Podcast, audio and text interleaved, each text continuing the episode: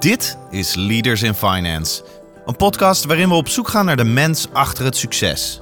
We praten met leiders van nu en later over hun drijfveren, carrière en privéleven. Waarom? Omdat er meer gesproken moet worden in de financiële sector. Onze gast deze week heeft zonder meer een groene bril. Maar kan hij ook iets vertellen over zijn ondernemende bril? En de afweging van is dit een leuk idee of een goed idee? Nou, als het alleen een leuk idee is, laat het vooral een leuk idee zijn, maar doe er niks mee. En als het een goed idee is, ga er vol voor. Alle hobbels die je tegenkomt, daar moet je oplossingen voor vinden. Als kind was een 6 op zijn rapport vaak aanleiding voor extra aandacht.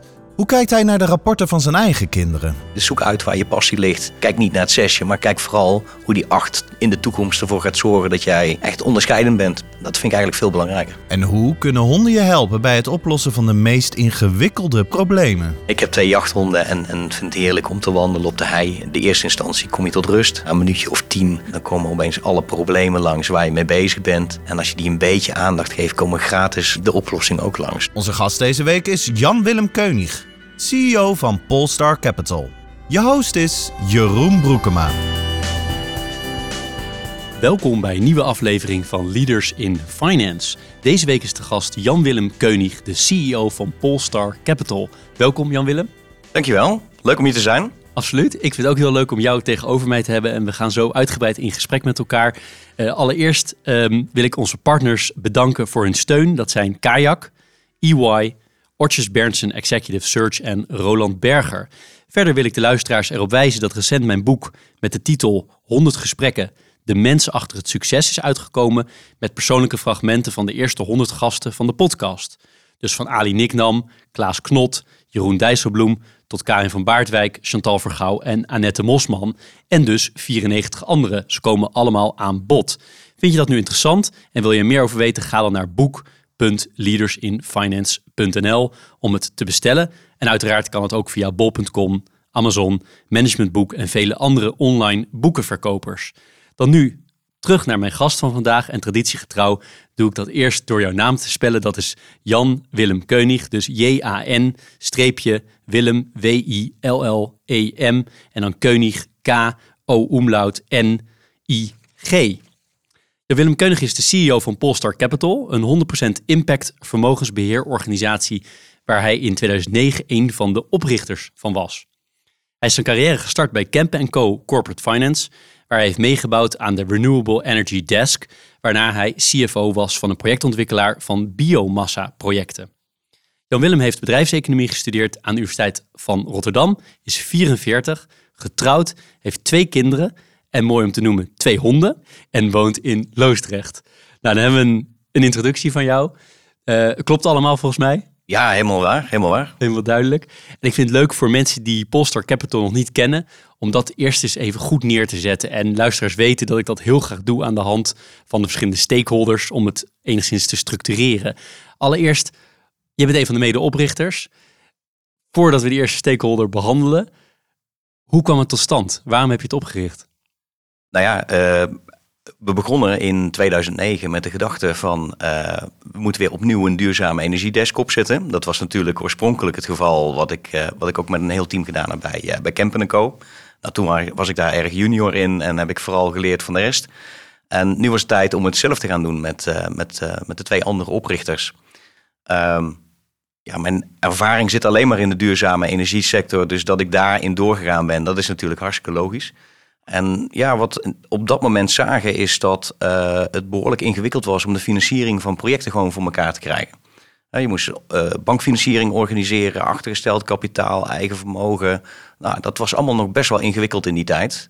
En er was specifieke expertise nodig. Dus dat was de expertise die we in het begin uh, naar de markt gebracht hebben. Lastige projecten gefinancierd, biomassa, biogas, bodemsaneringssystemen, aardwarmte. Uh, dat zijn de meest complexe projecten en, en dus ook het meest leuk. En in eerste instantie begon je om die eerste stakeholder dan beter te pakken, namelijk jouw collega's, jouw medewerkers. Begonnen jullie met z'n drieën, zei je? Ja. En al snel werd het er meer, of hoeveel zijn het er nu? Nou, we zijn, uh, we zijn rustig begonnen met z'n drieën en langzaam gegroeid uh, tot 2020 tot een mannetje of acht. En vanaf daar is behoorlijk hard gegaan, want inmiddels zijn we met 125 man.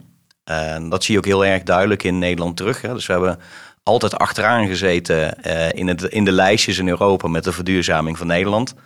En gelukkig hebben we wel ergens de, de, ja, de gasknop, dat is misschien niet goed, uh, goed verwoord, maar de biomassa-knop, de duurzame energieknop uh, gevonden om, om echt meters te gaan maken in Nederland. en als je dan kijkt naar die, naar die 125 mensen, wat voor soort rollen vervullen die? Oh, dat is heel verschillend.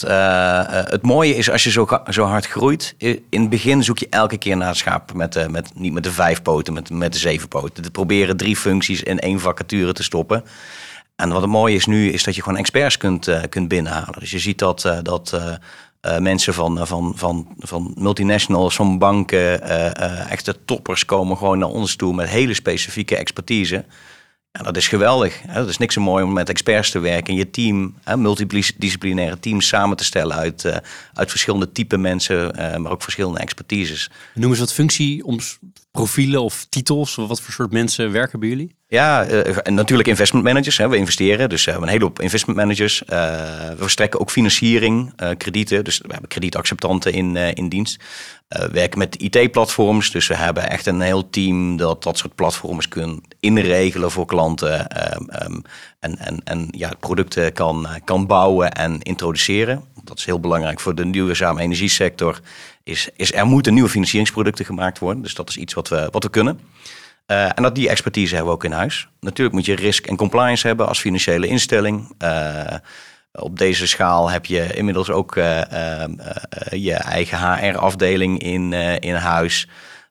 finance en reporting, vooral reporting en data management, wordt echt super belangrijk in de, in de impactwereld. Want we moeten allemaal gaan verklaren hoeveel impact we maken. Nou, dat doe je met data, dat doe je met reporting. Dus de koppeling tussen business en reporting en data, dat is echt ja, het thema voor het komende jaar. Stakeholder klanten, wie zijn het? Ja, ik, wil toch eerst even bij je eerste stakeholder uh, uh, terugkomen. Dat zijn natuurlijk die mensen. Hè? Dus, dus dit is people business. We, we, geven, we geven advies, we verstrekken financiering, we structureren. We zitten echt met behoorlijk complexe projecten waar we, waar we mee werken. Dus ja, het team is echt gewoon nummer één stakeholder. En dat, uh, dat had je goed gezien. Dat hebben we even gezegd in ieder geval. En dat is natuurlijk waar, waar, waar we alles voor doen. En daarna, onze klanten zitten eigenlijk aan twee kanten. Dus enerzijds hebben we investeerders, die, die hebben een bepaald doel. Die willen hun, uh, hun middelen aan het werk zetten, hun geld aan het werk zetten en daar bepaalde impact mee halen. Als je kijkt naar die investeerders, dan zijn het eigenlijk drie soorten categorieën. Uh, dat zijn overheden die een speciaal uh, maatschappelijk doel nastreven, van verduurzaming, circulaire economie, nou, what have you. we hebben pensioenfondsen, die uh, steeds meer de stap willen maken van, uh, uh, van de oude fossiele wereld naar ook vergroening, verduurzaming, investeren in Nederland, investeren in het MKB, dichter bij hun klanten staan. Dus ook meer de verbinding maken met de, de personen die daadwerkelijk een inleg doen in een fonds. Um, en, en dan als derde, derde groep heb je, heb je de banken die, die meedoen als financier in, in fondsen die we bijvoorbeeld beheren. Oké, en ik kan me voorstellen, even aan de investeerderskant, want dat is de ene kant van de klantenkant. Je komt zo op de andere kant van de klantenkant. Maar overheden, pensioenfondsen, banken, die doen dit soort dingen meestal niet voor een paar honderdduizend euro. Hè? Die doen het voor miljoenen of liefst tientallen of honderden miljoenen. Is dat ook wat jullie doen? Klopt dat? Ja, zeker. Kijk, eh, we zijn ooit begonnen. Uh, op het moment dat Essent verkocht werd, uh, jaren terug, wat was het in 2011 of 12 Um, ja, kwamen er middelen vrij voor, uh, voor, uh, uh, voor provincies en, en gemeentes. En het mooie is dat een aantal van die partijen hun middelen aan het werk gezet hebben om die verduurzaming voor elkaar te krijgen. Dus dat was ook ons eerste fonds, Limburgs Energiefonds. Begon piepklein, 18 miljoen, om te bewijzen dat dit van toegevoegde waarde is. Dat hebben we inmiddels laten groeien tot 170 miljoen. We investeren daar in Limburg op gebied van CO2-besparing, circulaire economie, asbestsanering, dat soort thema's. Um, en uh, um, ja, als je kijkt naar, naar pensioenfondsen, dan willen die ja, hun geld aan het werk zetten en eigenlijk elke keer opnieuw uh, aan het werk zetten. Hè. Dus ze krijgen elke maand krijgen ze premie uh, inkomsten binnen. Ja, die moeten uitgezet worden. Dus ja, het heeft niet zoveel zin om dat met kleine tickets te doen. dus ze zijn heel erg op zoek om naar fondsen, in, fondsen te investeren waar ze meerdere malen door in kunnen investeren, maar ook die duidelijk dat impact thema kunnen bewijzen.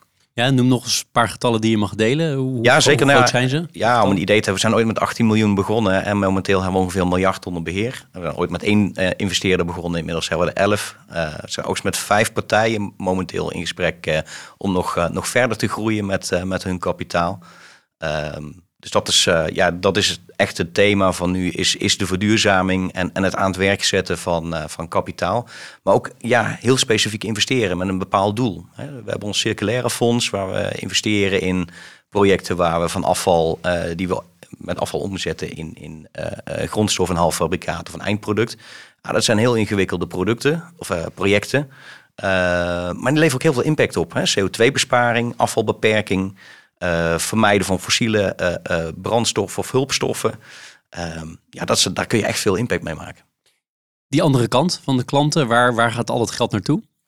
Ja, dat zijn eigenlijk twee of drie groepen, beter gezegd. We hebben ook drie soorten business die we wat dat betreft doen. Eh, ehm, we verstrekken financiering aan, aan ondernemers met ons, ons, ons circulaire fonds, met ons energiefonds. Dat zijn voornamelijk de ondernemers met, die hun eigen projecten hebben of die een stukje van hun huidige onderneming eh, verduurzamen. Ehm, dus dat is een hele grote groep. Eh, de tweede grote groep is, is meer non-profit gerelateerd. Dus verenigingen van eigenaren die hun pand willen verduurzamen. Eh, scholen, maatschappelijk vastgoed. Eh, en de derde groep eh, zijn eh, particulieren die hun eh, woning willen verduurzamen. Dus je ziet dat we hele grote tickets hebben en hele kleine Ja, dat, tickets. dat En- wil ik net vragen. Hoe gaat die distributie dan in zijn werk? Doe je dit allemaal zelf? Heb je er allemaal partners voor? Want in een, een woning eh, verduurzamen gaat misschien om 10.000 euro of, of, of iets in 25, 50, ik weet het niet. Eh, terwijl die eh, nou ja, grote ondernemingen of grote non-profit organisaties, dat gaat om miljoenen. Dus hoe, hoe doe je dat, die distributie? Ja, dat zijn echt drie totaal verschillende aanpakken. Dus de, de, de meest complexe projecten, dat zijn grote tickets. Heb je een dedicated team van pure specialisten die, die het project voor door en door willen begrijpen. eh, die alles moeten begrijpen, die alles evalueren. En die, eh, die een hele financieringsstructuur in elkaar zetten. Eh, ja, super specialistisch team. Tailor-made financiering, dat gaat gewoon niet anders. En dat is de enige manier om innovatie te financieren, is op deze manier. Dat is mijn stellige overtuiging. Het mooie is dat, eh, dat we een groot team van mensen hebben die hiermee bezig zijn. Dus eh, ik denk dat we mooie resultaten mee maken. En als je wat meer kijkt naar, naar eh, de non-profit partijen, dan zie je dat het een repeteerbare business is. Dus als je een, eh, een vereniging van eigenaren hebt die een pand wil verduurzamen, die zitten heel vaak met dezelfde soort maatregelen. Dus eh, dubbelglas, driedubbelglas, isolatie, zonnepanelen. Dat zijn eigenlijk de redelijk dezelfde thema's die regelmatig terugkomen. Eh, alleen de veelheid van maatregelen is een verschil. En de complexiteit van, eh, van het pand natuurlijk. Dat zijn, dat zijn grote variabelen. De omvang van, van de VVE. Eh, maar op zich zijn dat eh, projecten die redelijk vergelijkbaar zijn. En werken dus ook op een meer gestandardiseerde manier. Dus daar hebben we minder tailor-made financiering. Werken we met taakgericht werken, procesflow systemen, et cetera. Om ja, proberen in zo kort mogelijke tijd wel een goede oplossing voor de klant eh, te Maar je maken. doet het wel helemaal zelf ook. Je doet het helemaal zelf, ja, zeker. zeker. Dus de- ook dit is een heel specialistisch team.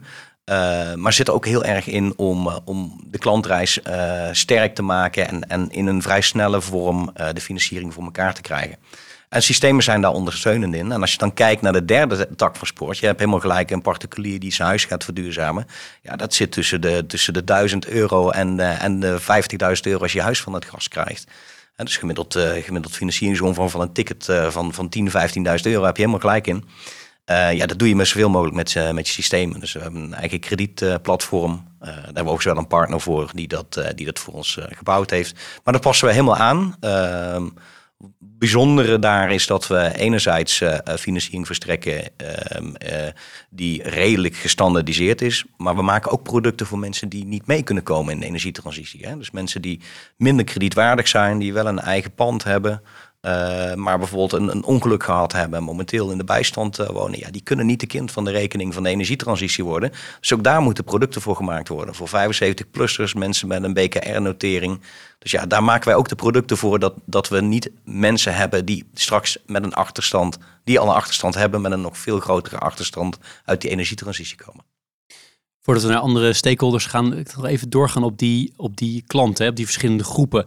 Want hoe bepaal je nou wat wel en niet binnen jullie missie valt? Ik heb dat vaak gevraagd ook aan banken, aan uh, Triodos Bank bijvoorbeeld. Van wat is nou grijs, wat is nou zwart, of welke kleur je er ook op wil plakken. Maar hoe doen jullie dat? En hoe is daar veel debat over intern wat jullie wel en niet doen? Ja, uh, eigenlijk is het heel simpel. We zijn een 100% impact vermogensbeheerder. Dus het moet toegevoegde waarde hebben voor, uh, voor, de, voor de klimaattransitie in Nederland. Nou, dat betekent dat je altijd gaat meten. Uh, je CO2-besparing, de hoeveelheid afval die je beperkt, de hoeveelheid fossiele brandstoffen die je, die die je beperkt. maar ook thema's als um, werk je met gevaarlijke stoffen? Uh, zijn je stoffen uh, afbreekbaar of blijven die eeuwig in je, in je, in je ecosysteem achter? Dus een soort van band list noemen ze dan. Stoffen die je eigenlijk niet moet willen gebruiken. Ook dat soort impact houden we allemaal bij. En dat vragen onze investeerders ook heel duidelijk van ons. Dus het is heel duidelijk wat onze thema's zijn. Uiteindelijk zijn het de vijf klimaattafels plus de circulaire economie. Dus verduurzaming van de, van de uh, gebouwde omgeving, van de industrie, van de landbouwsector, uh, van de mobiliteitssector natuurlijk. En ehm, ehm, ja, dat, dat, dat zijn de thema's die. Is dat eigenlijk altijd heel duidelijk voor je? Want het lijkt alsof het heel simpel is. Het is gewoon zwart of wit. Dit doen we wel, dit doen we niet. Maar er moet toch ook een heel grijs gebied zijn. Ik noem maar wat nu dingen die met uh, nucleaire energie te maken hebben of projecten, dat kan je heel veel van mening over verschillen. Of uh, iemand die zijn woning wil verduurzamen, misschien op dat niveau ook. Dat je bepaalde dingen denkt, nou, dat zit wel op het randje. Is het nou wel of niet? Past het nou wel of niet bij ons? Of is het zo duidelijk zoals jij het schetst? Het is gewoon de een of het ander. Makkelijkste manier is, het is eigenlijk heel duidelijk dus uh, je kunt je impact uh, kun je meten. Dat is ook de opdracht die je meekrijgt. En natuurlijk heb je altijd wat grijze gebieden. Als je kijkt naar verduurzaming van je, van je vastgoed, dan zie je dat er gewoon probleemthema's zijn. Dus uh, er zijn gewoon panden waar verschillende problemen bij elkaar komen. Een laag inkomen, energiearmoede, dus eigenlijk je energierekening niet kunnen betalen. Hè. Dat is echt een big issue momenteel met de hoge energieprijzen. Uh, het gevolg betekent dat dat die mensen niet goed kredietwaardig zijn. Als je energiearmoede hebt, ben je per saldo niet kredietwaardig. Uh, en er komt heel vaak bij dat het energielabel van het pand slecht is. Dus eigenlijk een enorme sprint gemaakt moet worden in je verduurzaming. En er komt dan bij dat vaak ook nog de uh, staat van het pand niet geweldig is. En dus achterstallig onderhoud. Ja, dan krijg je discussies van moeten we niet het achterstallig onderhoud mee gaan nemen? En dat zijn hele interessante discussies. Dus niet je primaire taak. Maar als je kijkt naar de urgentie, dan is het het gat in de kozijn uh, en niet het zonnepaneel op het dak op dat moment. Ja, als je dan impact wil maken, dan moet je ook dit soort dingen meewegen en, en moet je dat ook gewoon meedoen. En waar ik ook aan denk is bijvoorbeeld organisaties, bedrijven die dingen doen die eigenlijk helemaal niet milieuvriendelijk zijn, maar die wel die transitie willen maken. Doen jullie dat dan ook? Ik noem maar wat een, een staalproducent of zo, om die te helpen om te vergroenen. Terwijl het blijft misschien klimaat technisch een hele slechte zaak, maar hij wordt daardoor wel groener. Um, het is niet direct een voorbeeld wat wat, waar we mee bezig zijn. Uh, maar gewoon alle transitie is goed. Hè? Ik bedoel, uh, ik herken de discussies uh, toen ik begonnen ben bij de bank van hoe groen is groen. Welke soorten biomassa zijn wel goed en welke niet. En laten we, het thema van nu is soms laten we wachten op waterstof, want het is de holy grail. Ja, als we dat gaan doen, dan verliezen we weer vijf jaar. Hè? Dus we moeten vandaag aan de gang. Uh, het kan heel goed zijn dat uh, als ik, als ik vijf jaar terugkijk, dan hebben we misschien projecten gedaan die we vandaag niet meer zouden financieren. Dat zijn echte transitieprojecten. Uh, Bio-LNG vanuit aardgas is een goed alternatief voor, voor, voor allerlei oplossingsrichtingen. Nou, als we nu aan aardgas denken, denken we er net, net iets genuanceerder over. Hè? Niet alleen met Groningen, maar ook met de huidige prijs en afhankelijkheid van, van, uh, van, uh, van ja, instabiele landen. Ja, zo kun je daar, nee, daar genuanceerd naar kijken. Je moet het in de tijd plaatsen. Je moet het in de tijd plaatsen, en, en, maar je moet het vooral ook gewoon doen. Het begin van de transitie is ook gewoon doen. De regulatory kant van jullie business, hoe zit dat in elkaar? Ja, belangrijke stakeholder natuurlijk. Hè. Per saldo zijn we in de ogen van de regulatory, hè, dus de AFM en de DNB, zijn we relatief een kleine speler. Uh, uh, maar wel een speler die uh, groeit. Uh, waar veranderingen in de organisatie zijn, in het uh, leadership team, waar de producten uh, veranderen, waar we ook met spannende producten bezig zijn. Hè? Want als je een, een persoon gaat financieren die niet helemaal kredietwaardig is, dan staat er aardig haaks op, op overkrediteringsdiscussies. Dus dat zijn echt discussies die, die wij zelf en onze opdrachtgevers hebben met, met de AFM. Dus ja, hele belangrijke uh, Wat voor soort licenties hebben jullie? Waar vallen jullie onder? Dus beleggingsonderneming of wat? Ja, ja dus we, zijn, uh, we, we, hebben bemiddelingsvergunning, beleggingsonderneming. En momenteel hebben we een, uh, een Alternative Investment Fund vergunning in aanvraag. Als het dan toch niet goed gaat met die leningen of die, die, die equity posities als het gaat om bijzonder beheer en uitwinning, doe je dat ook zelf? Zoveel mogelijk wel. en dat is denk ik een kracht die we hebben. Uh, want wat je ziet is dat, dat, dat uh, sinds 2013 zie je dat bij moeilijkere projecten, dus technologisch uh, meer geavanceerd, innovatief, innovatieve verdienmodellen, dat banken langzamerhand een terugtrekkende beweging gemaakt hebben. En enerzijds heeft het te maken met, met de spelregels van de kredietcrisis, die natuurlijk banken en alle financiële instellingen over zich, over zich uitgestort hebben gekregen. Maar anderzijds gaat het ook om dat als het nou misgaat met zo'n complex project en hij, hij, gaat mis, dan moet je in die tussenliggende fase tot dat je je financiering verstrekt hebt en uh, uh, ja, dat, dat daar iets misgaat, moet je eigenlijk vinger aan de pols houden. Dus je moet heel veel teamtijd uh, besteden in de fase dat het project gebouwd wordt, in gebruikname. fase en, en de weg naar steady state, naar stabiele productie. Dat zijn de momenten waarop de risico's zich voldoen als je dan geen uh, uh, teamtijd mag besteden als bank uh, in deze fase, anders dan beperkt relatiemanagement, ja, dan zit je eigenlijk de hele tijd achter de feiten aan te kijken van hé, hey, wat gebeurt hier nou? En dan kun je ook niet goed wegen of, of de ondernemer wel belangrijk goede beslissingen genomen heeft in de tussenliggende tijd. Maar nee, je zit met een voldongen feit. Dan gaat het naar bijzonder beheer, want ja, dan is het opeens te groot geworden. Dan moet alles tegen het licht gehouden worden. Ja, dat is, dat is behoorlijk ingewikkeld. Nou, als je, het eerste stap van bijzonder beheer is het voorkomen van. En dat betekent dat je in die fase vol uh, actief moet zijn. Dat zijn we met ons investmentteam ook. En dat betekent dat we veel bijzonder beheer voorkomen. En ook tijdig kunnen bijsturen. En daar waar bijzonder beheer is, ja, dan moet je je experts uh, uh, mee in de arm nemen. En ja, in alle slechtste geval moet je, moet je ook vervelende maatregelen nemen. Ja. ja, wat mij wel bijblijft in het eerste stuk van dit gesprek is dat jullie eigenlijk bijna alles zelf doen. Ja, dat heb je eigenlijk misschien wel goed gezien.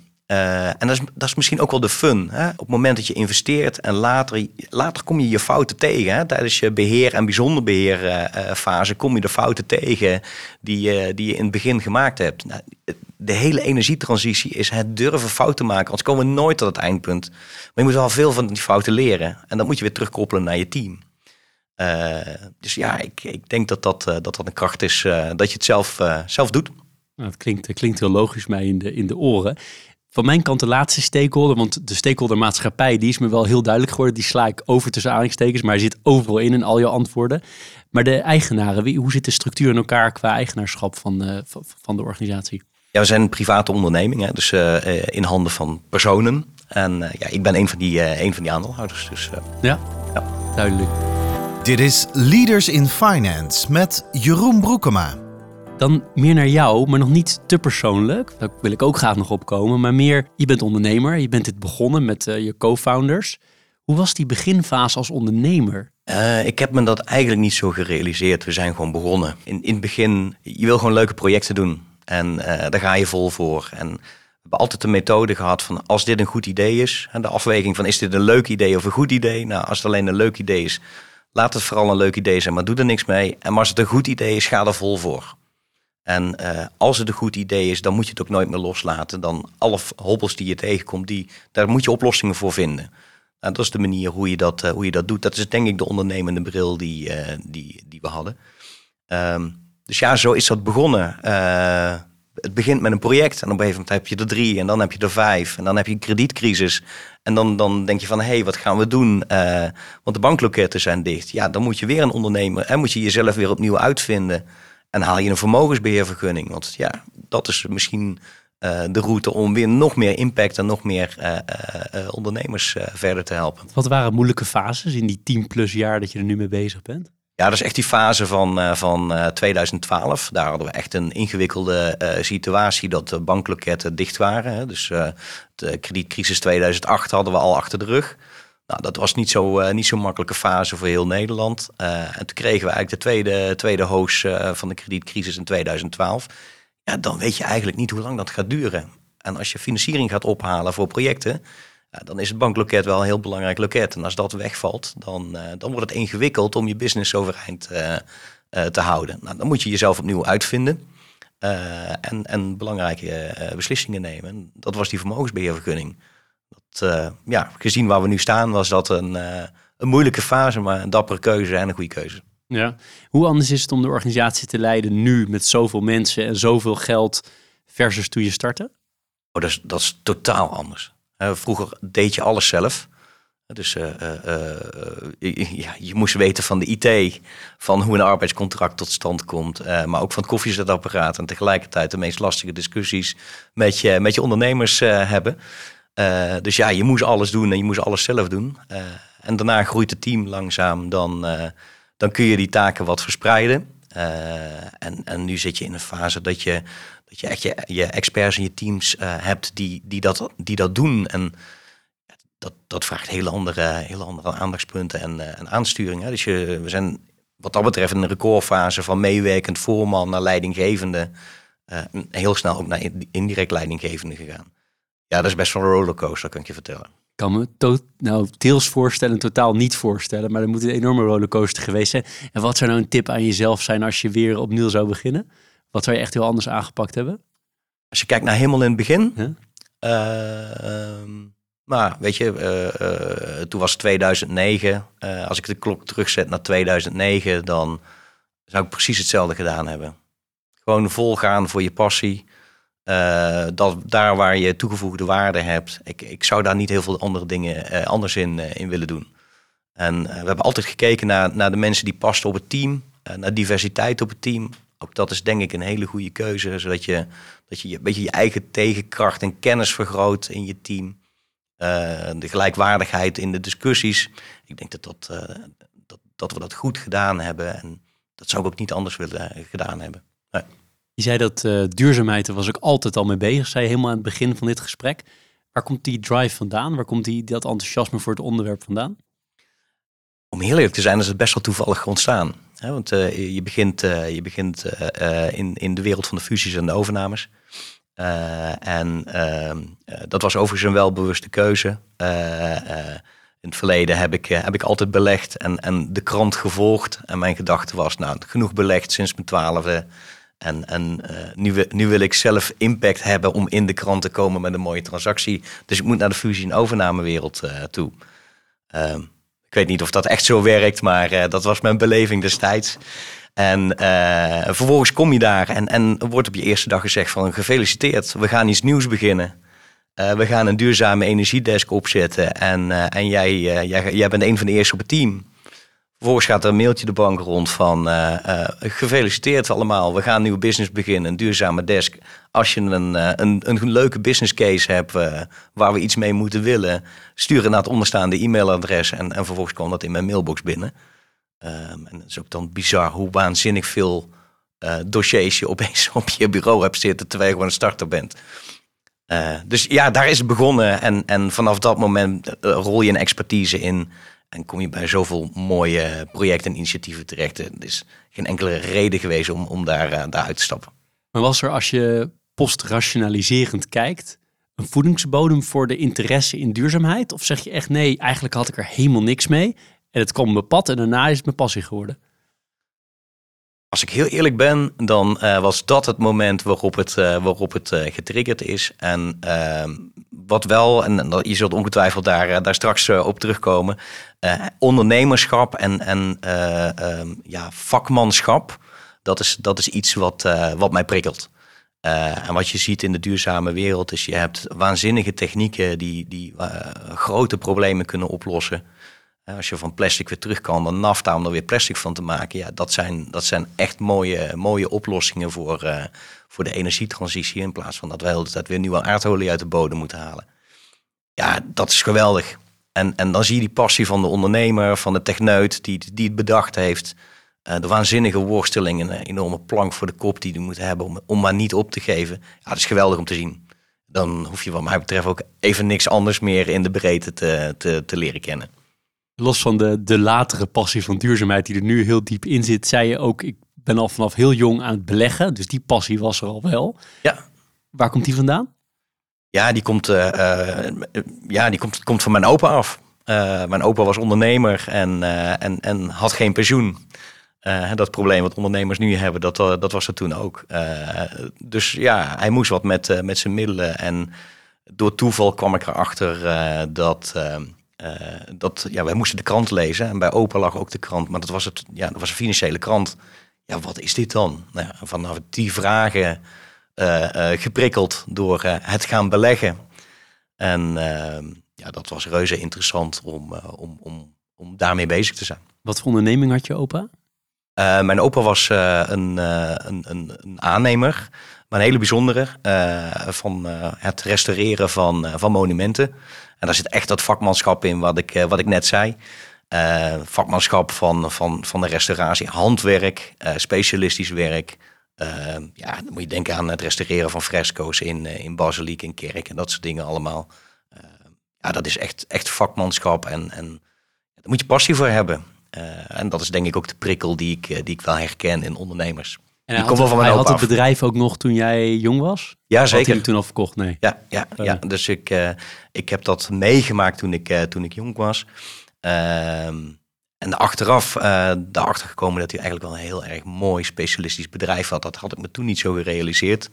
Achteraf denk ik van ja, dat is wel een inspiratiebron voor mij geweest.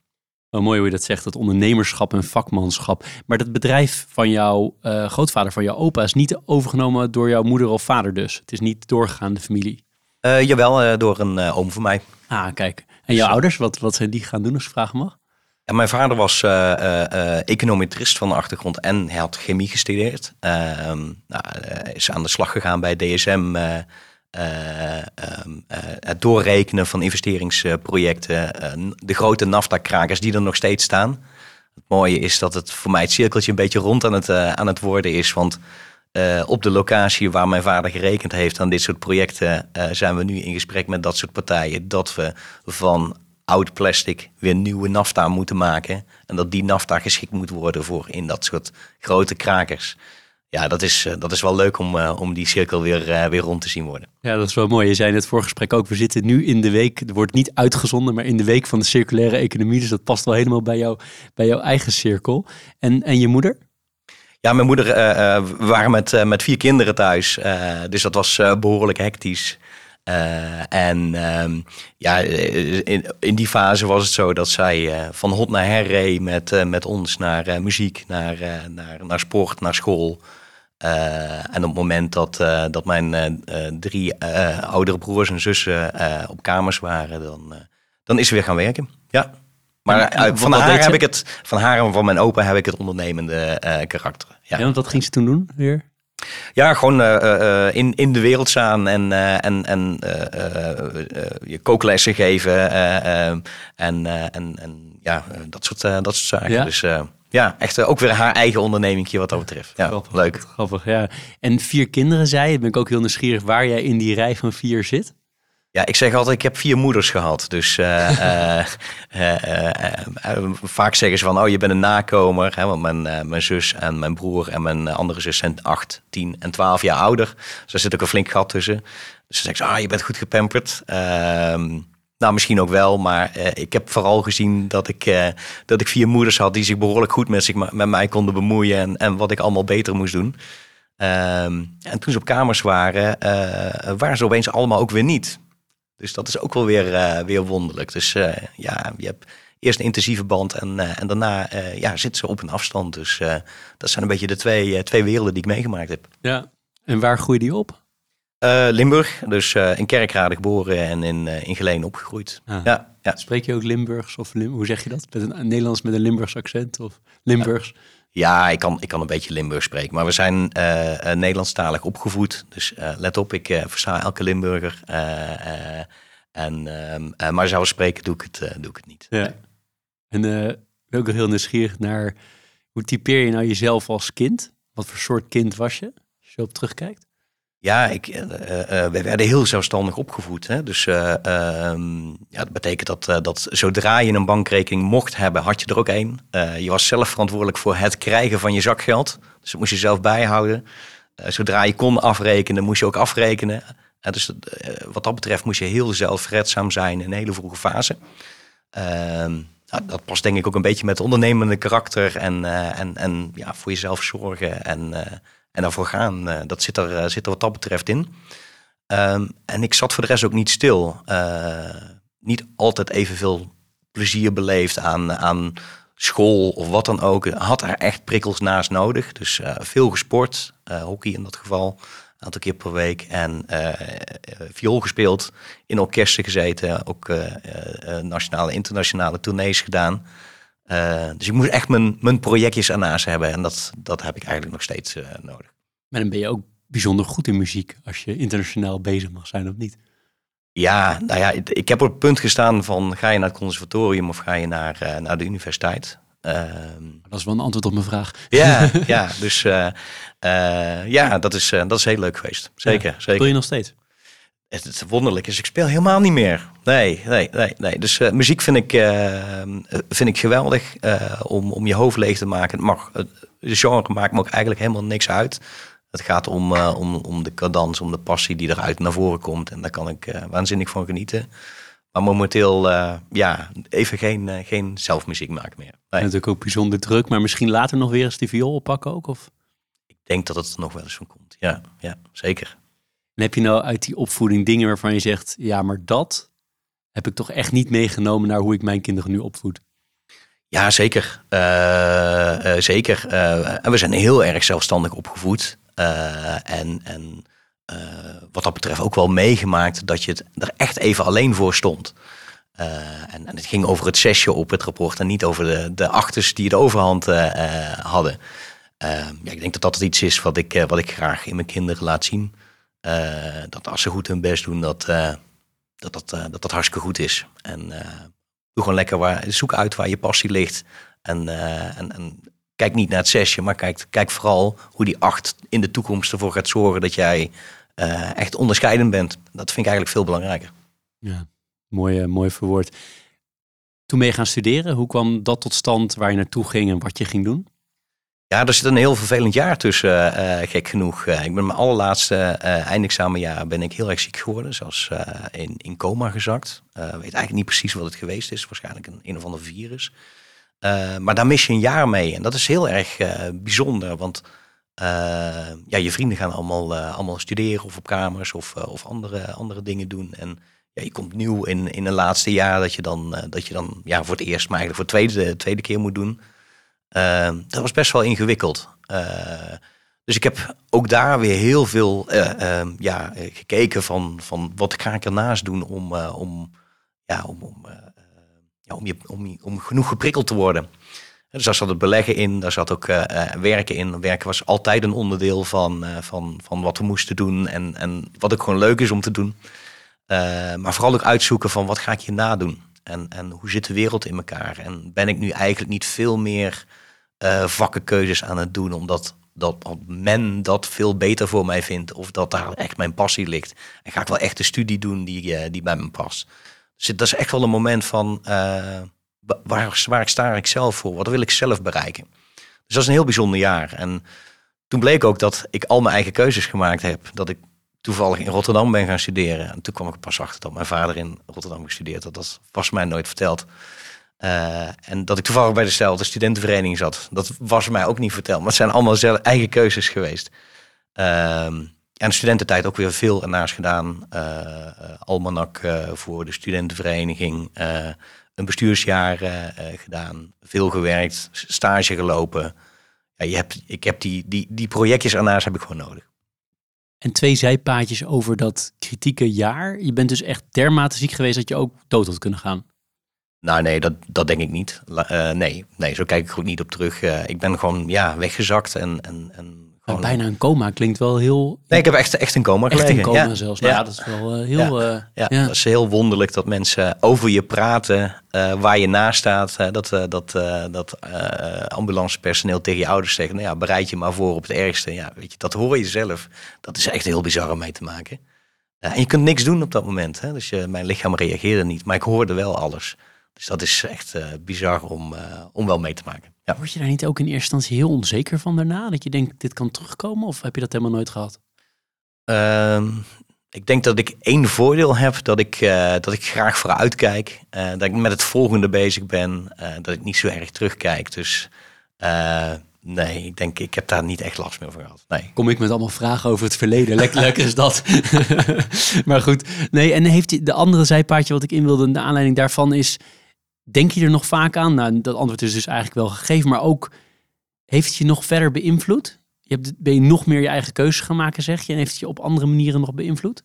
Nou, het heeft me beïnvloed dat je, dat je ook bij jezelf moet blijven. Hè? Dus doe wat je leuk vindt, herken dat ook. Uh, ga niet op het advies van anderen af. Onbewust vraag je advies aan mensen die helemaal niet advieswaardig zijn. Um, en, en achteraf begrijp ik dat, uh, dat, dat, dat die fout gemaakt wordt. Maar ik heb toen wel gekozen voor mezelf om, uh, om te doen wat ik leuk vind. En dat ook gewoon echt voor mezelf uit te zoeken. Ja. In je studententijd vertelde je net al een beetje over dat je heel veel dingen ernaast deed. Was je ook iemand die ook aan het feesten was? Of was je vooral heel serieus bezig? Nee, als ik heel serieus bezig was geweest, dan had ik uh, net iets minder over mijn studie gedaan. En ik ben overigens twee studies begonnen, recht en economie. Dan had ik mijn recht ook afgemaakt. Uh, maar daar zit een keuze voor mij in dat, uh, dat, dat, ik recht op een gegeven moment netjes afgewerkt heb naar mijn propedeuse. En, en gezegd heb van, ik hou mijn focus op mijn economie. En, en vol op, op nevenactiviteiten om me breder te ontplooien. en dat betekent dat er ook heus gefeest is. Dus ik heb wat dat betreft prima, prima studentenleven gehad. en kijk ook heel erg plezierig terug op een, op een bestuursjaar of vijf faculteitsvereniging. Waar gewoon acht mensen gezegd hebben van wat gaan we dit jaar doen? Nou, laten we eens drie keer televisie halen als dat het, dat het einddoel is, dan, dan hebben we een geslaagd jaar. En vervolgens stond elke vergadering bovenaan hoe ver staan we met de drie keer televisie. Uh, dus dat soort gekke dingen, dat, uh, dat, ja, dat hoort er gewoon bij om, om gewoon mooie doelen te stellen. En dan natuurlijk de vraag, is het gelukt? Ja, we hebben drie keer televisie gehaald. Ja, ja absoluut. Nationale televisie. Dus dat is, dat is hartstikke leuk. En als, als ja, een van die drie was, was het landelijke lijsttrekkersdebat, wat, wat regelmatig nog uitgezonden wordt vanaf de Erasmus Universiteit. Dus elke keer als ik dat zie, dan moet ik altijd weer even gniffelen. Ja, dat kan me helemaal voorstellen. En ergens ook mooi. Dus als je echt iets belangrijk maakt, boven op de agenda zet, dan is het zoiets, dan gaat het dus lukken. Is dat, dat is denk ik de les ook, of niet? Ja, het, het, het, grappige is, je triggert me een beetje. Als, als, je kijkt naar de organisatie die we nu zijn, dan, dan heeft hij het DNA van daadkracht, vindingrijk en, en samenwerken. En als je mooie doelen wil bereiken, en dat zie je aan, aan dat soort dingen, dat, dat is daadkracht. Je moet gewoon, gewoon gaan en, en vindingrijk zijn. Want ja, er waren veertig partijen die zo'n lijsttrekkersdebat op televisie willen, willen krijgen. En, en we, we, we staan losgeslagen studenten die het voor elkaar gekregen hebben. Ja, dan moet je vindingrijk zijn en, en je kunt het alleen maar samen. Dus, dus ja, Misschien zat dat er toen al een beetje in. Ja, het komt op mij. Hè, ik ken je nog niet lang nu, uh, een uur of zoiets. Maar je, dat je heel actiebereid bent.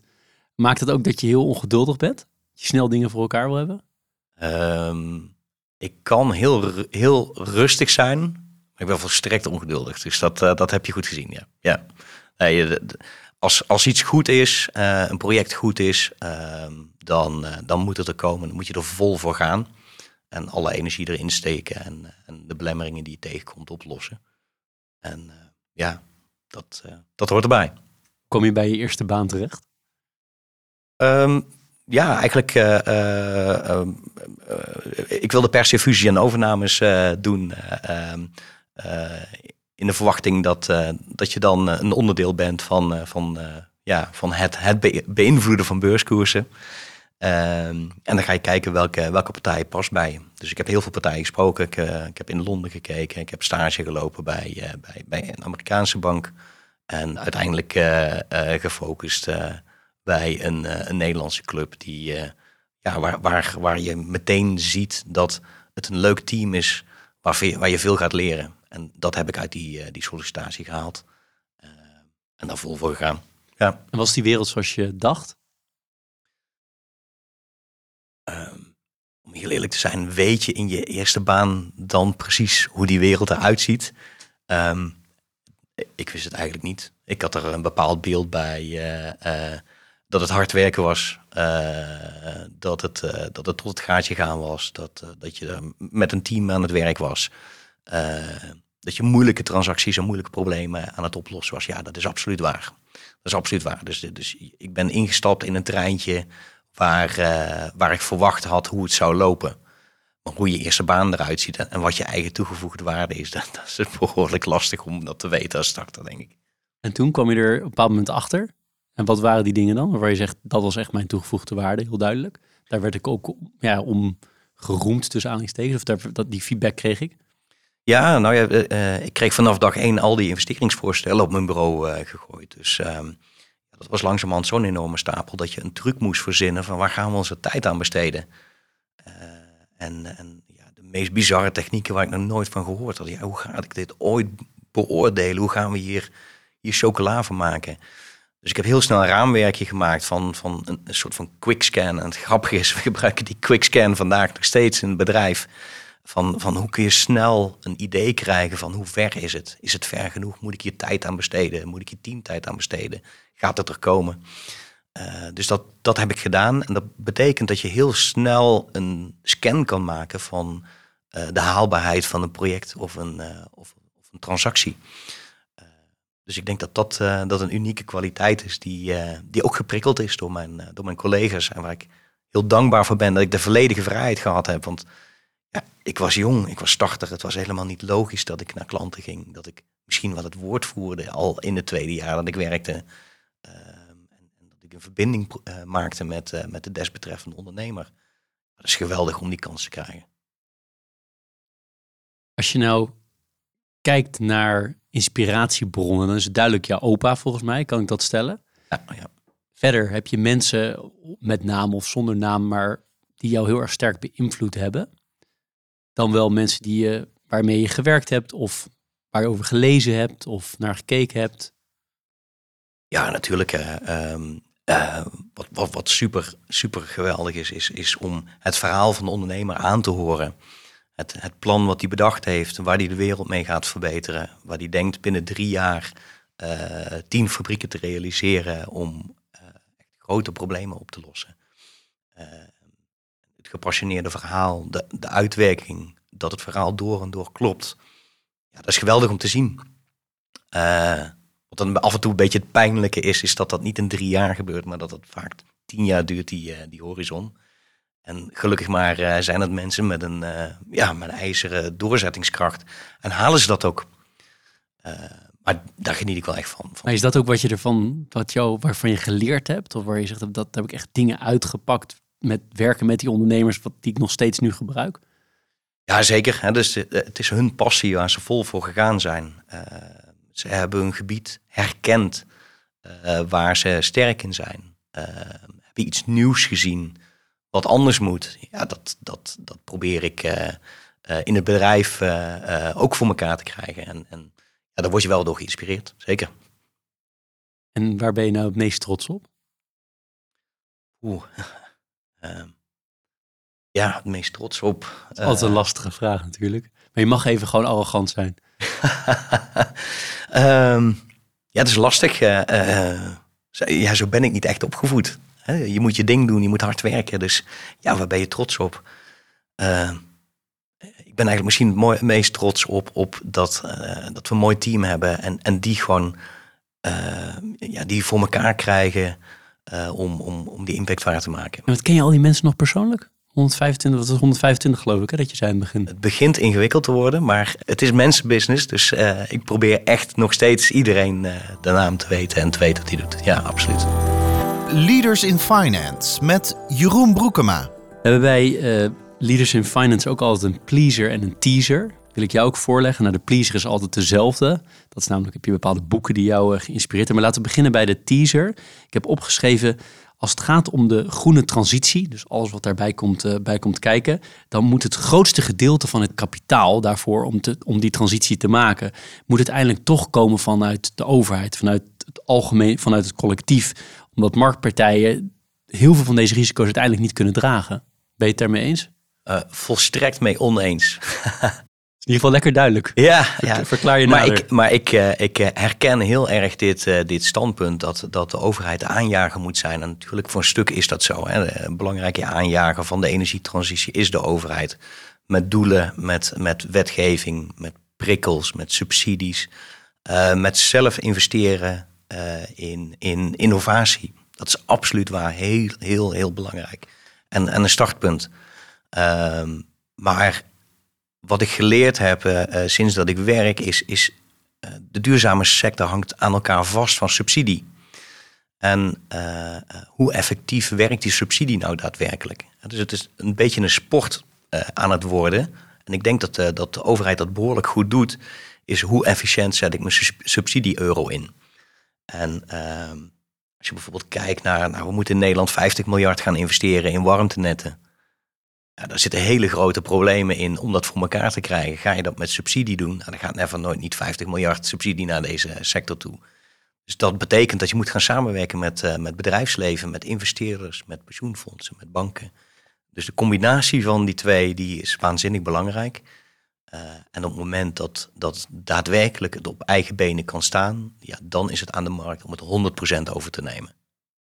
Ja, dus je hebt wel allebei nodig. Absoluut. Je kan dus ook niet zonder die overheid. Dus ik neem aan dat het wel klopt in die stelling dat er heel veel risico's zijn die de private sector niet kan dragen. Ja.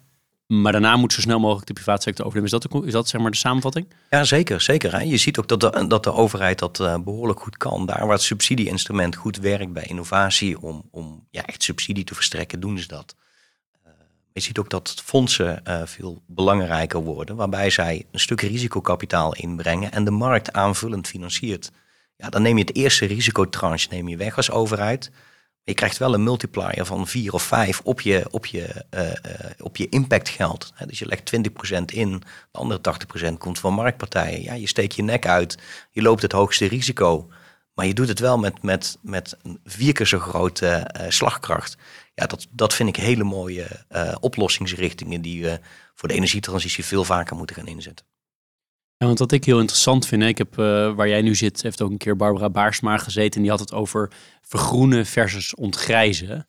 En uiteindelijk dat al die financiële instellingen heel graag in vergroeningsprojecten zitten, hè, in windmolens en, en dat soort dingen, zonne-energie uh, en de dingen die jij ook noemt aan het begin van dit gesprek. Maar dat er ook ongekend veel, misschien wel veel meer kapitaal nodig is om die grijze economie te vergroenen uiteindelijk. Uh, of minder grijs te maken of zwart, hoe je het wil noemen. Is dat niet waar uiteindelijk het meeste kapitaal naartoe moet? Oh ja, uh, nou, als je het hebt over het grijze vergroenen, uh, dan moet je niet uitkijken dat je datgene wat niet oké is ook in stand houdt. Dus, dus transitie zorgt ervoor dat, dat er ook dingen gaan verdwijnen waar je van je moet afvragen, hebben we dat nog wel nodig naar de toekomst toe? Maar natuurlijk is het zo dat, dat alles wat we doen kost energie. Uh, alles wat we doen uh, uh, qua materialen, plastic is een geweldig product natuurlijk. Hè. Dat, dat wordt uit aardolie gemaakt. We gaan gedurende deze energietransitie gaan we het plastic gebruik gaat nog een keer verdubbelen. Ja, dat gaan we niet tegenhouden, ook al zouden we het willen. maar het gebruik gaat verdubbelen.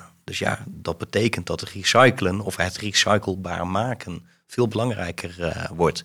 Daarvoor zijn nieuwe investeringen nodig, maar is ook een transitie van de bestaande industrie nodig, het bestaande bedrijfsleven, dat ze meegaan in het geschikt maken voor recyclebaarheid. Ja. En dat vind ik zo interessant, hè? want als je dus nu zegt, ja, we moeten eigenlijk dus ook investeren in plastic fabrieken duurzamer maken. Terwijl ze nog steeds een niet duurzaam product hebben, wat je misschien wel weer beter kan recyclen. Maar nog steeds in de kern is het niet zo'n duurzaam product, omdat het gewoon fossiele brandstof is. Hetzelfde geldt voor staal. We hebben natuurlijk ook keihard nodig voor al die windmolens en weet ik veel. Uh, dus dat, dat financieren, dat is qua reputatie denk ik best wel ingewikkeld voor veel banken bijvoorbeeld. Ja, uh, je ziet nu de discussie over ook pensioenfondsen die, uh, die niet in. Uh, en die discussie speelt bij banken natuurlijk ook, maar ook bij pensioenfondsen. Van zet ik mijn geld in het werk in, in, in de fossiele, fossiele sector, in de aard, aardolie- en gassector. Um, ik snap die discussie. en de discussie is goed. maar ja, het is een sector die gaat er voorlopig nog wel zijn. Die moet ook een transitie door. En uiteindelijk is de transitie zorgt ervoor dat er geïnvesteerd moet worden. En daar waar geïnvesteerd moet worden, moet gefinancierd worden. Dus we kunnen mensen op het zwarte lijstje zetten. Uh, uh, of partijen of bedrijven. Uh, maar uiteindelijk moeten die ook de transitie eh, door. En als ze dat vanuit zichzelf niet willen, ja, dan, eh, dan zijn het de dinosaurussen van de toekomst. Eh, dan gaan ze er gewoon over een paar jaar niet meer zijn. Dus ze bepalen zelf of ze meedoen. maar zomaar uitsluiten en daar heel zwart-wit naar kijken, ik denk dat we daar genuanceerder over moeten zijn.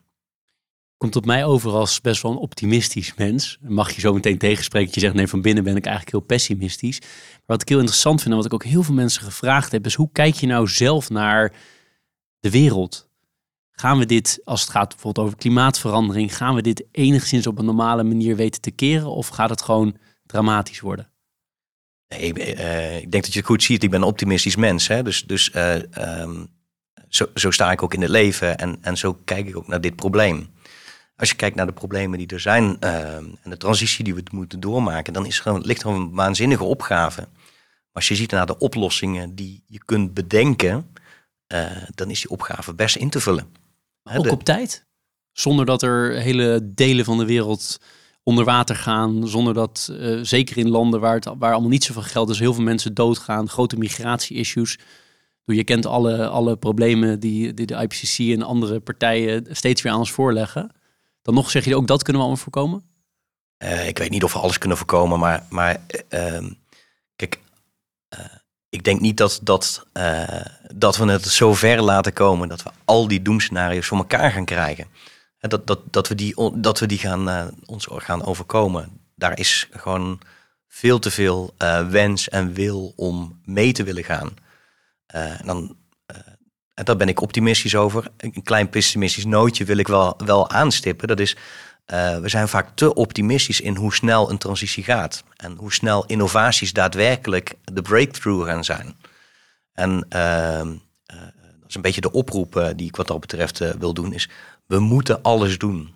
En niet wachten op de belofte van morgen. Niet wachten op waterstof en de oplossing die dat mogelijk gaat brengen. Nee, we moeten vandaag alles doen wat we vandaag kunnen. Dat betekent dat we misschien spijt hebben van bepaalde kleine dingen. Maar dat we heel blij moeten zijn dat we heel veel grote dingen gedaan hebben. ik denk dat dat veel belangrijker is. Zie je die actiebereidheid weer terug, uh, die we ook eerder al tegenkwamen. Aan de pleasende kant, uh, lees je graag en, en heb je wellicht een bepaald boek wat je zou willen delen hier met ons? Um, ja, ik kan niet anders dan, uh, dan Inconvenient Truth uh, natuurlijk uh, noemen van, van, van Al Gore. Um, bijzonder boek. ik, heb het, ik heb het gekocht op een veiling van, van de bank. Aan het eind van het jaar worden aan, aan de ondernemers die geholpen zijn, werd altijd gevraagd van kun je iets voor de, voor de, voor de veiling geven, zodat we dat kunnen veilen. En uiteindelijk gaat de opbrengst naar een goed doel. Dat lag Inconvenient Truth en, en ik heb er een godsvermogen voor betaald om dat boek uh, te kopen. Dat had. Uh, je duurste boek ooit waarschijnlijk. Mijn duurste boek ooit. Uh, en, en, maar wel een heel belangrijk boek voor ons. En eigenlijk is het een boek wat, wat ja, heel veel hoofdstukken extra zou moeten krijgen. Hè, de klimaatprobleem kent veel meer facetten inmiddels dan toen. We hebben, we hebben de PFAS-discussie, we hebben de stikstofdiscussie, we hebben de mestdiscussie, we hebben de fijnstoot-uitstoot fijnstofuitstoot discussie. Ja, weet je, we hebben zoveel issues aan de fiets hangen. En daar gaat het boek eigenlijk helemaal nog niet over. Dus uh,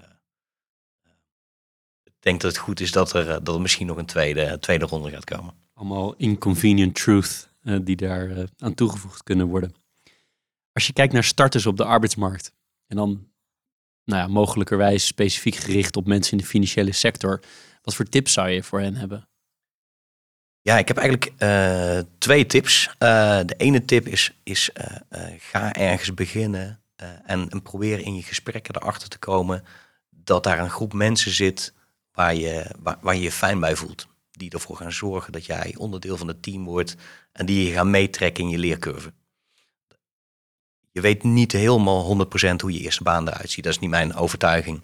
Dus het gaat erom wie gaat, wie gaat jou meenemen op reis. Dus eh, wat dat betreft ga je een treinreis eh, aan. En misschien ook het allerbelangrijkste is, ben ondernemer van je eigen uh, treinreis, hè? Van, je, van je ontwikkelpad. Je bepaalt zelf hoe snel je gaat, of hoe snel die leercurve is, of wat dan ook. En, en de tip daarbij is eigenlijk, in je teamoverleg kom je elke keer op wissels uit in je, in je trein. Je hangt je wagonnetje ergens aan, maar ga gewoon net doen alsof je in die locomotief zit. Uh, je ziet vanzelf waar de beslispunten komen, wat de discussiepunten zijn in een bepaalde vergadering. En dwing jezelf tot, uh, uh, tot het maken van een beslissing en met de bijbehorende onderbouwing. En daar leer je van, want of je zit helemaal mis en dan heb je wat geleerd. Dat, is, heet ervaring opdoen en kennis opdoen van je collega's. Of je hebt het goed en dan leer je dus om te varen op je judgment. Dat zijn twee hele belangrijke punten. En uh, daarnaast is het zo dat, dat uh, je kunt ernaast gezeten hebben, maar misschien toch gelijk gehad hebben. dus dat je judgment wel goed was, maar dat je niet over de bühne hebt weten te krijgen. Het mooie is, daar leer je in een latere fase van. Want er zijn waanzinnig veel treintjes en wagonnetjes die ontsporen uh, gedurende die carrière. En het is heel interessant om dan terug te kijken van, hey, hoe keek ik er toen op? Had ik misschien toen gelijk? Had ik toen meer weerstand moeten bieden? Dat zijn mooie lessen om te leren, denk ik. Ja, ik kan me dit heel goed op inleven wat je vertelt. Ik, zit helemaal met je mee uh, te denken. Als je nu zelf in je, om die, die, uh, die vergelijking maar even door te trekken, in je eigen locomotief zit, waar gaat jouw locomotief heen? Toekomst? Ja, uh, als je kijkt naar de energietransitie, dan is het waanzinnig belangrijk dat, dat, dat alle financieringsoplossingen er komen. En ja, banken kunnen niet alles alleen meer. banken doen bepaalde dingen niet meer. pensioengeld kan aan het werk gezet worden, maar dan moeten ze wel de juiste proposities voorgelegd uh, krijgen. Pensioenfondsen zijn niet ondernemingen die een oplossing gaan bedenken voor, voor, voor de energietransitie. Het wordt aan hun aangereikt en dan gaan ze hem beoordelen en kijken of dat binnen hun, hun, impact en risk return raamwerk past. dus, dus er is een hele belangrijke rol in het bij elkaar brengen van geldvraag en geldaanbod. En en het bij elkaar brengen van het maken van impact en het willen maken van impact. Um, en ik denk dat we daar een hele belangrijke rol in, uh, in hebben als partij die uh, actief is daar waar banken niet, niet volledig of niet, uh, nog niet financieren. Um, als je kijkt naar energietransitie, dan, ja, dan moeten die producten en fondsen gemaakt worden. En ik denk dat dat ons doel is. Dus we zullen nog wat verder moeten groeien, vrees. Maar dat is heel erg het doel van Polestar, Polestar Capital, maar meer op jou gefocust. Zeg jij, ik, ik blijf hier gewoon zo lang mogelijk de CEO van, een ondernemer van. Of zie je jezelf op termijn op hele andere posities terechtkomen? Um, voor zolang als ik denk dat, uh, dat ik de ondernemer verder kan helpen uh, en, en, en een oplossing zijn voor de energietransitie, uh, zie ik mezelf niet, zo zelf, niet zozeer opzij stappen. Um, maar ik denk wel dat, dat als anderen het beter kunnen, dan is dat ook wel het moment om het om het stokje over te geven. En dan is er een andere, ander doel wat ik, uh, wat ik moet nastreven. Maar zou het kunnen dat je nog wel eens een keer een nieuwe onderneming start? Of zie je jezelf meer een soort commissaris worden ergens op de langere termijn? Uh, of denk je helemaal niet vooruit? Um, ja, jawel. Uh, er komen elke dag weer nieuwe opportunities langs. En je moet elke keer de afweging maken van ja, neem ik dit bedrijf mee over? Um, uh, of, of doe ik dit, ja, uh, zet ik een bedrijf ernaast op? Je moet elke, elke keer weer die afweging maken. En uh, het mooie is dan wel dat, dat de teams waarmee je werkt, die zeggen van joh, focus. dit is waar we nu mee bezig zijn. Dit is waar we met z'n allen keihard voor werken. En ik, ik vind het wel heel verstandig dat ze dat af en toe tegen me zeggen. Ik me voorstellen. Keihard werken, doe je dat? Ja, ja, absoluut. Ja, ja. Altijd gedaan? Altijd gedaan. Altijd. En wat betekent dat concreet? Uh, dat betekent concreet dat ik feitelijk geen hobby's heb. uh, en vol mijn, uh, mijn energie steek in, in, in het oplossen van lastige vraagstukken, lastige problemen. Dat kunnen interne vraagstukken zijn. Hoe, hoe veranderen we de organisatiestructuur? Maar het kan ook gewoon zijn van jongens, hoe kan het zijn dat dit project vastloopt? En, en hoe gaan we dat lostrekken? Of hoe gaan we deze financiering in elkaar doen? Ja, dat zijn, dat zijn ja, wat dat betreft staan mijn hersenen nooit stil. Nee. Dan een beetje een brutale vraag, maar uh, geen hobby's. En thuis zien ze je wel? Of zien ze jou toch altijd aan het werk? Um, Als ik die mag stellen. Ja, die vraag mag je zeker stellen. Uh, en ik denk dat, ze, dat het antwoord tweeledig is. Dat uh, um, ik ben altijd bezig. Ik kan niet rustig stilzitten. En, en ik kan jaloers zijn op, op vaders die, die in de speeltuin zitten en naar hun kinderen kijken dan gaat het me even te traag. Ik kan ook genieten dat ze er heel veel plezier aan hebben. Maar ik, ik moet al iets gaan doen voor mezelf. Dus, dus dat vind ik heel ingewikkeld. Uh, maar ja, ik, ik, ik, ik ben heel bewust uh, aanwezig thuis. en pak mijn momenten. Wat dat betreft heb ik uh, ook wel goed geleerd van, van mijn verleden. Ik, ik spreek geregeld Jort Kelder en die zegt dan... Ja, mensen die echt heel succesvol moeten zijn, zoals jij, heel succesvol in met je bedrijf... die moeten eigenlijk mateloos zijn. Die moeten gewoon daar altijd mee bezig zijn. Is dat, herken je dat? Ja, ja ik kan me voorstellen dat als je er van buiten naar kijkt, dat je, dat je, dat je die opdracht uh, meegeeft van ja, dan moet je dat doen. Hè, daar ben je toe veroordeeld. Dat, dat, dat is je purpose om, uh, om, om voor je leven. Ehm, ik kijk er misschien zelf wat genuanceerder naar. Ik doe gewoon wat ik leuk vind. Uh, en, en zolang ik er energie van krijg, kan ik er ook heel veel energie insteken. Dus ja, zo, ik kijk er wat dat betreft ja, wat gebalanceerder naar. Hoe blijf je fit? Ehm, Wat doe je daarvoor? Ja, nou ja, dan kom je bij die twee honden uit uh, die, uh, die je noemde. uh, ik heb twee jachthonden en, en vind het heerlijk om, om te wandelen op de hei. En het mooie is dat, dat, je, dat je dan de eerste instantie kom je tot rust. En daarna, na een minuutje of tien, dan, dan komen opeens alle problemen langs waar je mee bezig bent. En, en als je die een beetje aandacht geeft, komen gratis de oplossing ook langs. Dus dat is, dat is wel echt ja, leuk om, om te doen. En dat, dat houdt je fit scherp. Ik heb ongelooflijk veel gevraagd. En er zijn nog steeds altijd nog heel veel meer dingen die ik zou willen vragen. Maar we moeten toch ergens een, een, een punt gaan zetten. Alhoewel ik nog een klein beetje ruimte laat voor die punt. Namelijk zijn er nog dingen waarvan jij zegt, nou, dat is jammer dat we het daar niet over gehad hebben. Want dat zou ik echt nog wel graag hier even ter tafel willen brengen. Weet je, ja, je, hebt, je hebt zoveel gevraagd. Ja. we staan nog nergens met die energietransitie. We zijn begonnen. Uh, en, uh, maar iedereen moet meedoen en iedereen moet kunnen meedoen. En uh, ja, uh, we beseffen ons niet welke stappen we nog te maken hebben. iedereen moet meedoen. Alle banken, alle, alle bedrijven, alle ondernemers, alle pensioenfondsen, verzekeraars, overheid, toezichthouders. Iedereen moet op dezelfde manier hier naar kijken. En gelukkig zijn we daar de goede weg op aan het gaan. Nou, dat is een duidelijke oproep naar alle luisteraars die, denk ik, 99% uh, van hen werkt in de financiële sector. Dus dat is een hele duidelijke, duidelijke oproep. Jan Willem, ik wil jou heel hartelijk bedanken voor al je tijd die je hebt genomen voor Leaders in Finance. Ik heb zometeen ook een bedankje, daar wijs ik nu naar, maar die ga ik zo aan je overhandigen. Om je te bedanken voor al die tijd en je openheid om over al deze verschillende onderwerpen met mij van gedachten te wisselen. Dus nogmaals, heel veel dank. Leuk dat ik hier mocht zijn. Dankjewel. Dit was Leaders in Finance. We hopen dat je deze aflevering met veel plezier hebt beluisterd. We stellen je feedback erg op prijs. Wat houdt je bezig en over wie wil je meer horen? Laat het weten in een Apple of Google review. Dat kan ook via de sociale mediakanalen of direct via een e-mail. We kunnen het enorm waarderen als je dat doet. Tot slot danken we onze partners voor hun steun. Dat zijn Kayak, EY, Otjes Berndsen Executive Search en Roland Berger. Bedankt voor het luisteren.